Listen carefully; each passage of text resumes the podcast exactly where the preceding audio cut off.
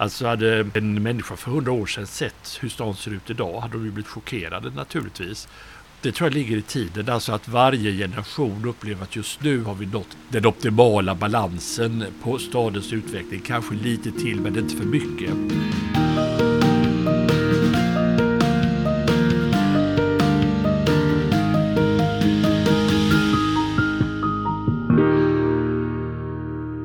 Det här är podden Halmstad växer.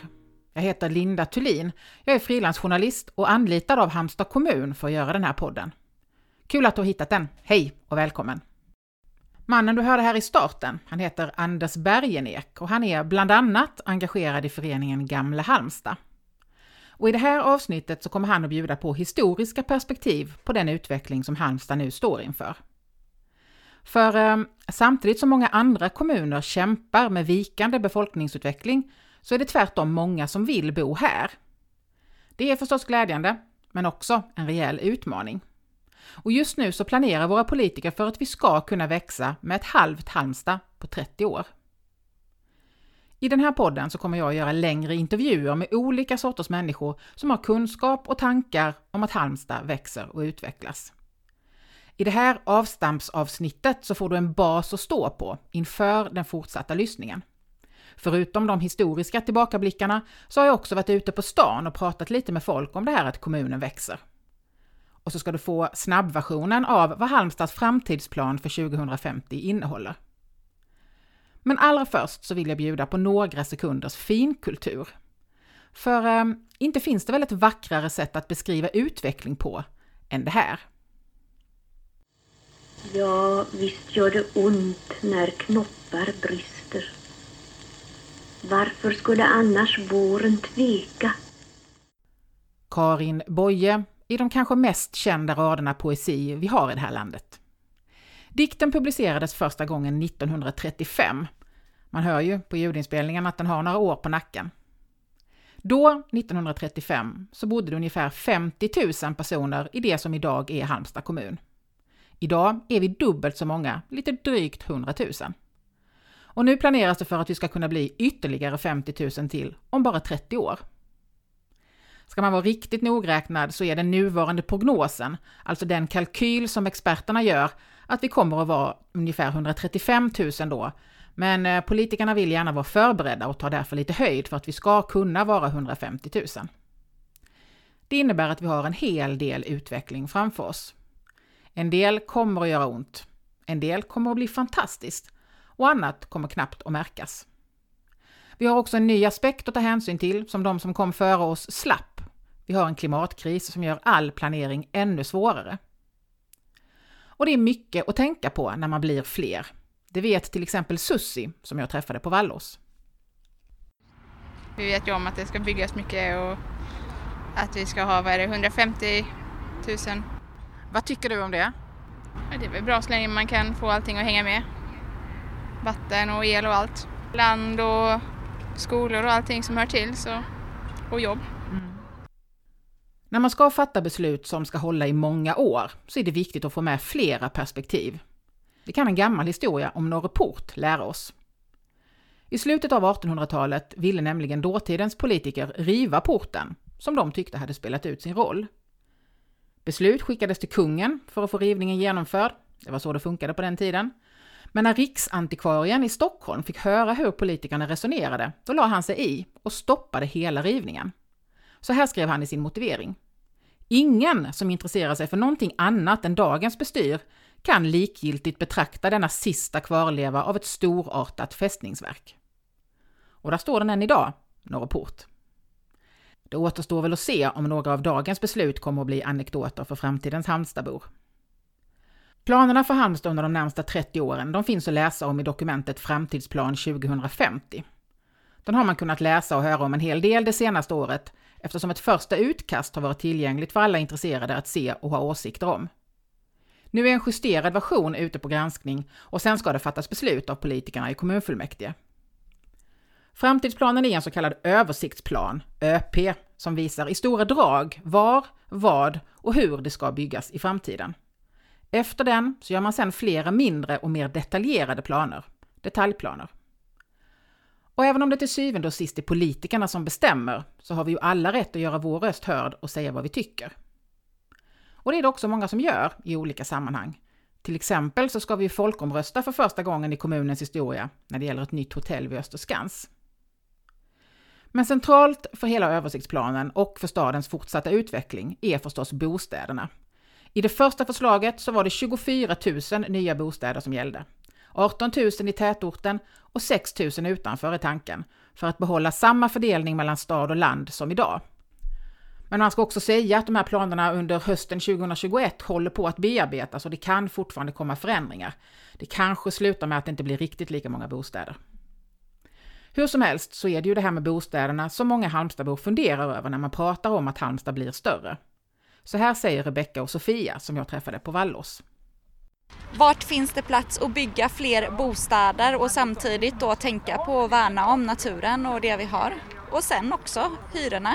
Du kan inte bygga nytt och ha 12 000 i en månadshyra till en eh, pensionär eller till oss. Är det något särskilt som du önskar dig av ett Halmstad som då är 50% större än vad det är idag? Men lägg mycket resurser på eh, att skapa en eh, sammanhållning i staden. Ja, det är spännande hur det ska gå till. Hoppas att uh, man lyckas få till uh, lite bättre bostadsbyggande kanske så att man fortfarande värnar om miljö och natur runt omkring också. Du säger hoppas, det låter lite som att du är orolig för att det där kan bli svårt. Ja, det tror jag nog. Så som det ser ut idag på bostadsmarknaden så, så kan det nog göra det.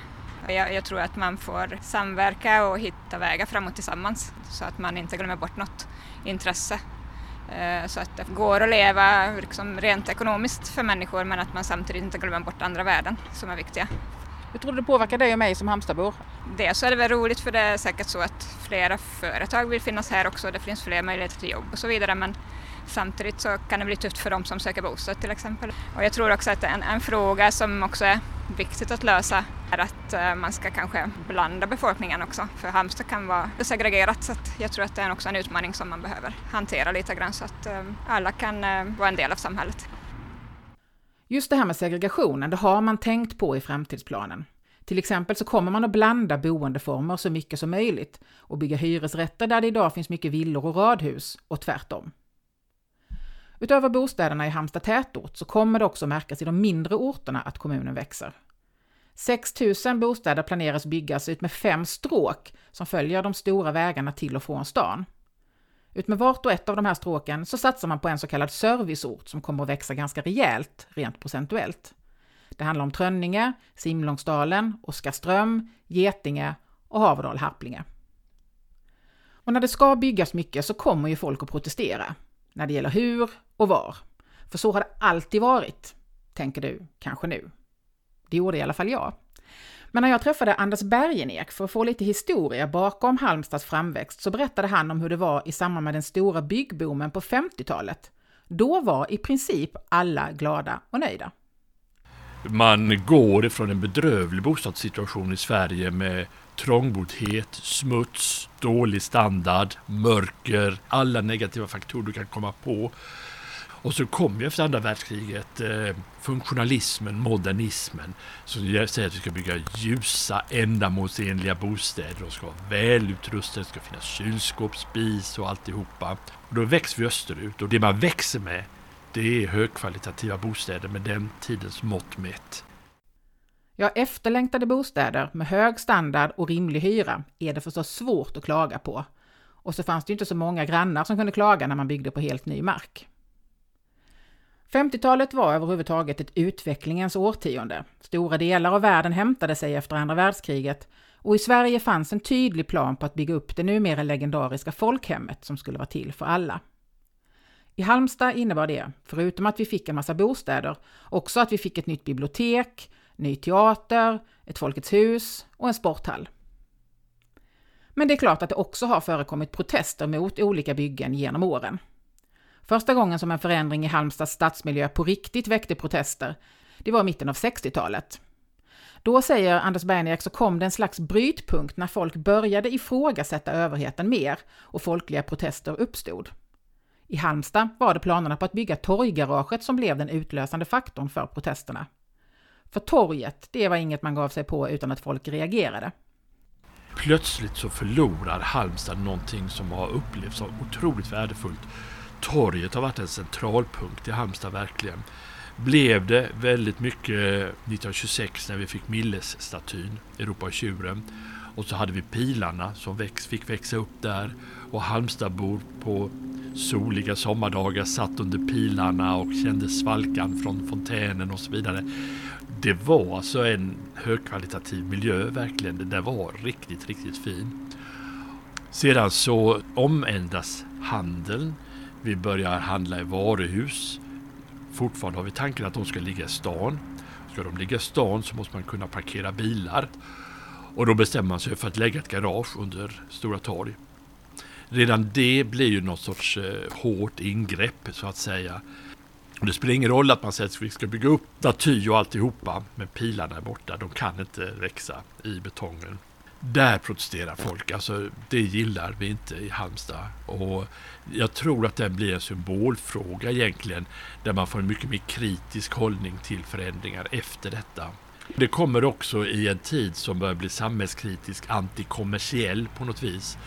Samtidigt ska man ju värdesätta att vi älskade våra varuhus. Vi slutade ju omedelbart handla i småaffärerna, när det gäller livsmedel i alla fall, och gick över till varuhusen. Ja, åsikter kommer ju folk att ha när det sker förändringar, det är liksom oundvikligt. Jag åkte till Trönninge, en av de serviceorter som ska växa en hel del framöver. Och där träffade jag Sebastian och sen Håkan. De är båda positiva till att Halmstad blir större. Jag tycker om det. Jag jobbar som rörmokare själv och jag gillar att ha jobb. Om du då tänker dig att vi ska bli 50 000 till på 30 år, mm. då har du din framtid säkrad? Ja. Vad tror du skulle betyda för Trönninge? Nej, det kanske dyker upp någon mer affär eller någonting här. Vi har ju en automat nu, men vi har ingen bemannad. Bilisten har du ju posten och allting. Men eh, har man bemannat så kanske man har längre öppettider. Lite sånt. Tanken är att vi ska bli 50 000 till på 30 år. Ja. Vad tror du om det? Det blir nog bra. Ja. Tror du det kan betyda för Trönninge? Ja, det är väl bra. Det är väl alltid bra när det växer. Mm. Behöver växa åt detta hållet också. Vad tänker du skulle kunna bli liksom problemen på vägen? Nej, det är väl att de planerar dåligt med skolor och förskolor och sånt. Bygg lite större så har du kapacitet. slipper man ju alla de här baracker och sånt som slås upp här och där. Och man tänker lite framåt så borde det bli billigare i längden. Litar du på att de som ska bestämma har koll på vad som behöver göras? Ja, det är väl sådär. men, nej, sen, nej, men sen är det väl inte lätt heller. Men man vet ju inte vad som riktigt allt vad som ligger bakom heller. Det Halmstad gör nu är alltså att rusta sig för att vi ska kunna vara 50 000 till om 30 år, vilket ju är ett ganska högt tempo. Men vi har varit med om det här förr. Under 1800-talet så var Halmstad en av Sveriges snabbast växande städer. Vi gick från 1300 invånare år 1800 till att vara 15 000 100 år senare. Länge lyckades man bygga nytt innanför vallarna, men till slut så gick det inte längre och i mitten av 1800-talet så blev det dags att bokstavligt talat spränga vallarna. Och när man då spränger vallarna, och vallarna är ju en fysisk barriär också, alltså är det ju utfarterna först. Men det är alltså ganska sent som detta sker, alltså Halmstad är geografiskt en väldigt liten stad väldigt länge. Om man jämför 1800-talets utveckling med den vi planerar för nu, så är det viss skillnad rent procentuellt. Vi planerar ju för en 50-procentig ökning på 30 år. Men på lika många år, mellan 1870 och 1900, så ökade befolkningen i Halmstad med 300 procent, från knappt 6 000 invånare till över 15 000. Att vi växte så mycket under 1800-talet, det berodde på en befolkningsexplosion över hela landet. Den berodde på att befolkningen, som fram tills nu framförallt hade bott på landet, helt enkelt överlevde i större utsträckning. Men det fanns varken jobb eller husrum till alla på landet och därför flyttade allt fler till stan. Problemet var att i början så kunde inte heller stan ta emot alla och det ledde till både misär och den numera välkända emigrationen till USA. Men så småningom så tog både industrin och handeln fart och samhället genomgick på ganska kort tid stora förändringar i slutet av 1800-talet. Inte helt olikt hur världen har sett ut de senaste decennierna med globalisering, digitalisering och ett klimathot som förändrat villkoren på många sätt. Det är också de här oförutsedda utvecklingarna som gör det så svårt att fatta det perfekta beslutet, hur smart man än har tänkt. Ett intressant exempel som Anders Bergenek tar upp, det är miljonprogrammen och i Halmstad specifikt Andersberg. Detta ofta utskällda område är nämligen enligt Bergenek egentligen ett exemplariskt projekt. Andersberg är ju ett otroligt välplanerat område. Det är alltså hus och grönytor. Det gröna finns intill. Eh, det var ringled för bilar runt omkring, bilfritt där man bodde, säkerhet för barnen. Och det var alltså lägenheter med jättehög standard. Dessutom byggde man dem väldigt rationellt. Eh, allting gjordes alltså av en byggare som kunde använda alla sina maskiner och sånt rationellt. Så de blev jättebilliga och kunde då hyras ut med låga hyror som folk hade råd att betala.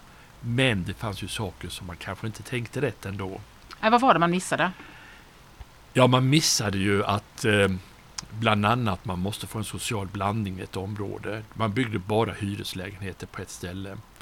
Eh, och sista området med hyreslägenhet blir ofta ett genomgångsområde i en stad och där samlas ofta en högre grad av social problematik. Alltså man får komma ihåg att antagligen de som bodde på Andersberg till 90 procent var väldigt välfungerande människor. Men det fanns också de som flyttade in som hade mer sociala problem.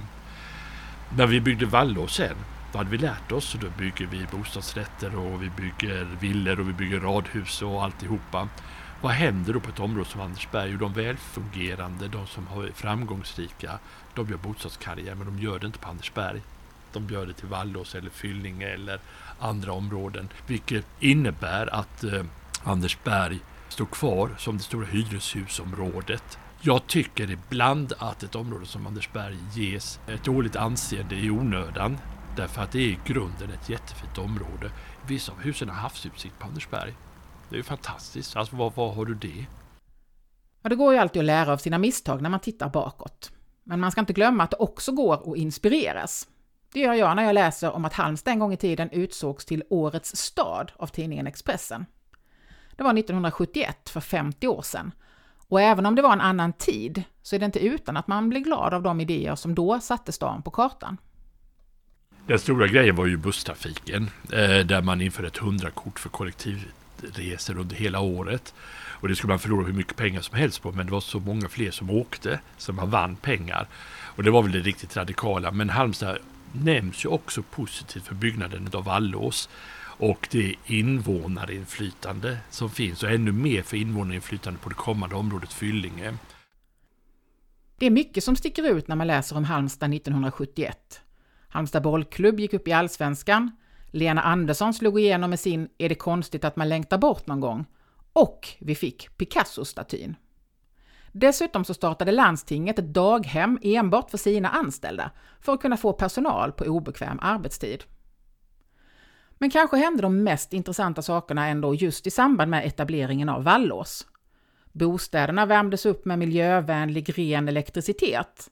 Man införde de första åldersintegrerade skolklasserna i landet och när Krusbärets äldreboende öppnade så blev det rikskänt för sina nya idéer. Krusbäret skulle kännas mer som ett hotell än ett vårdhem och ville man ha sprit och kvinnor på rummet så skulle man få det, sa den ansvarige politikern. Jag tycker när man tittar på de olika årtiondena så är ju eh, 70-talet en väldigt framåt tid som sätter den lilla människan i fokus. Det är den lilla människan som ska ha inflytande och få påverka. Och vi är ju oerhört kollektiva i hela vårt sätt att tänka på 70-talet. Och på ett sätt blir det ju ett samhälle som kan bli obehagligt för det tar över hela människans liv och ansvar å ena sidan. Men det fanns ett enormt engagemang i att hjälpa människor och lösa människors problem. Hur ska vi då få bästa möjliga Halmstad i framtiden? Var finns den där kristallkulan som hjälper oss att fatta beslut där ingen i efterhand behöver undra vad fanken de höll på med i Halmstad på 2020-talet? Ja, det finns ju inte någon sån kristallkula. Men det finns kunniga, engagerade och kloka människor som jag nu ska prata med en i taget i den här podden. Med utgångspunkt från olika teman så ska vi försöka ge lite mer kunskap och förståelse i den här ganska kluriga men ack så viktiga fråga.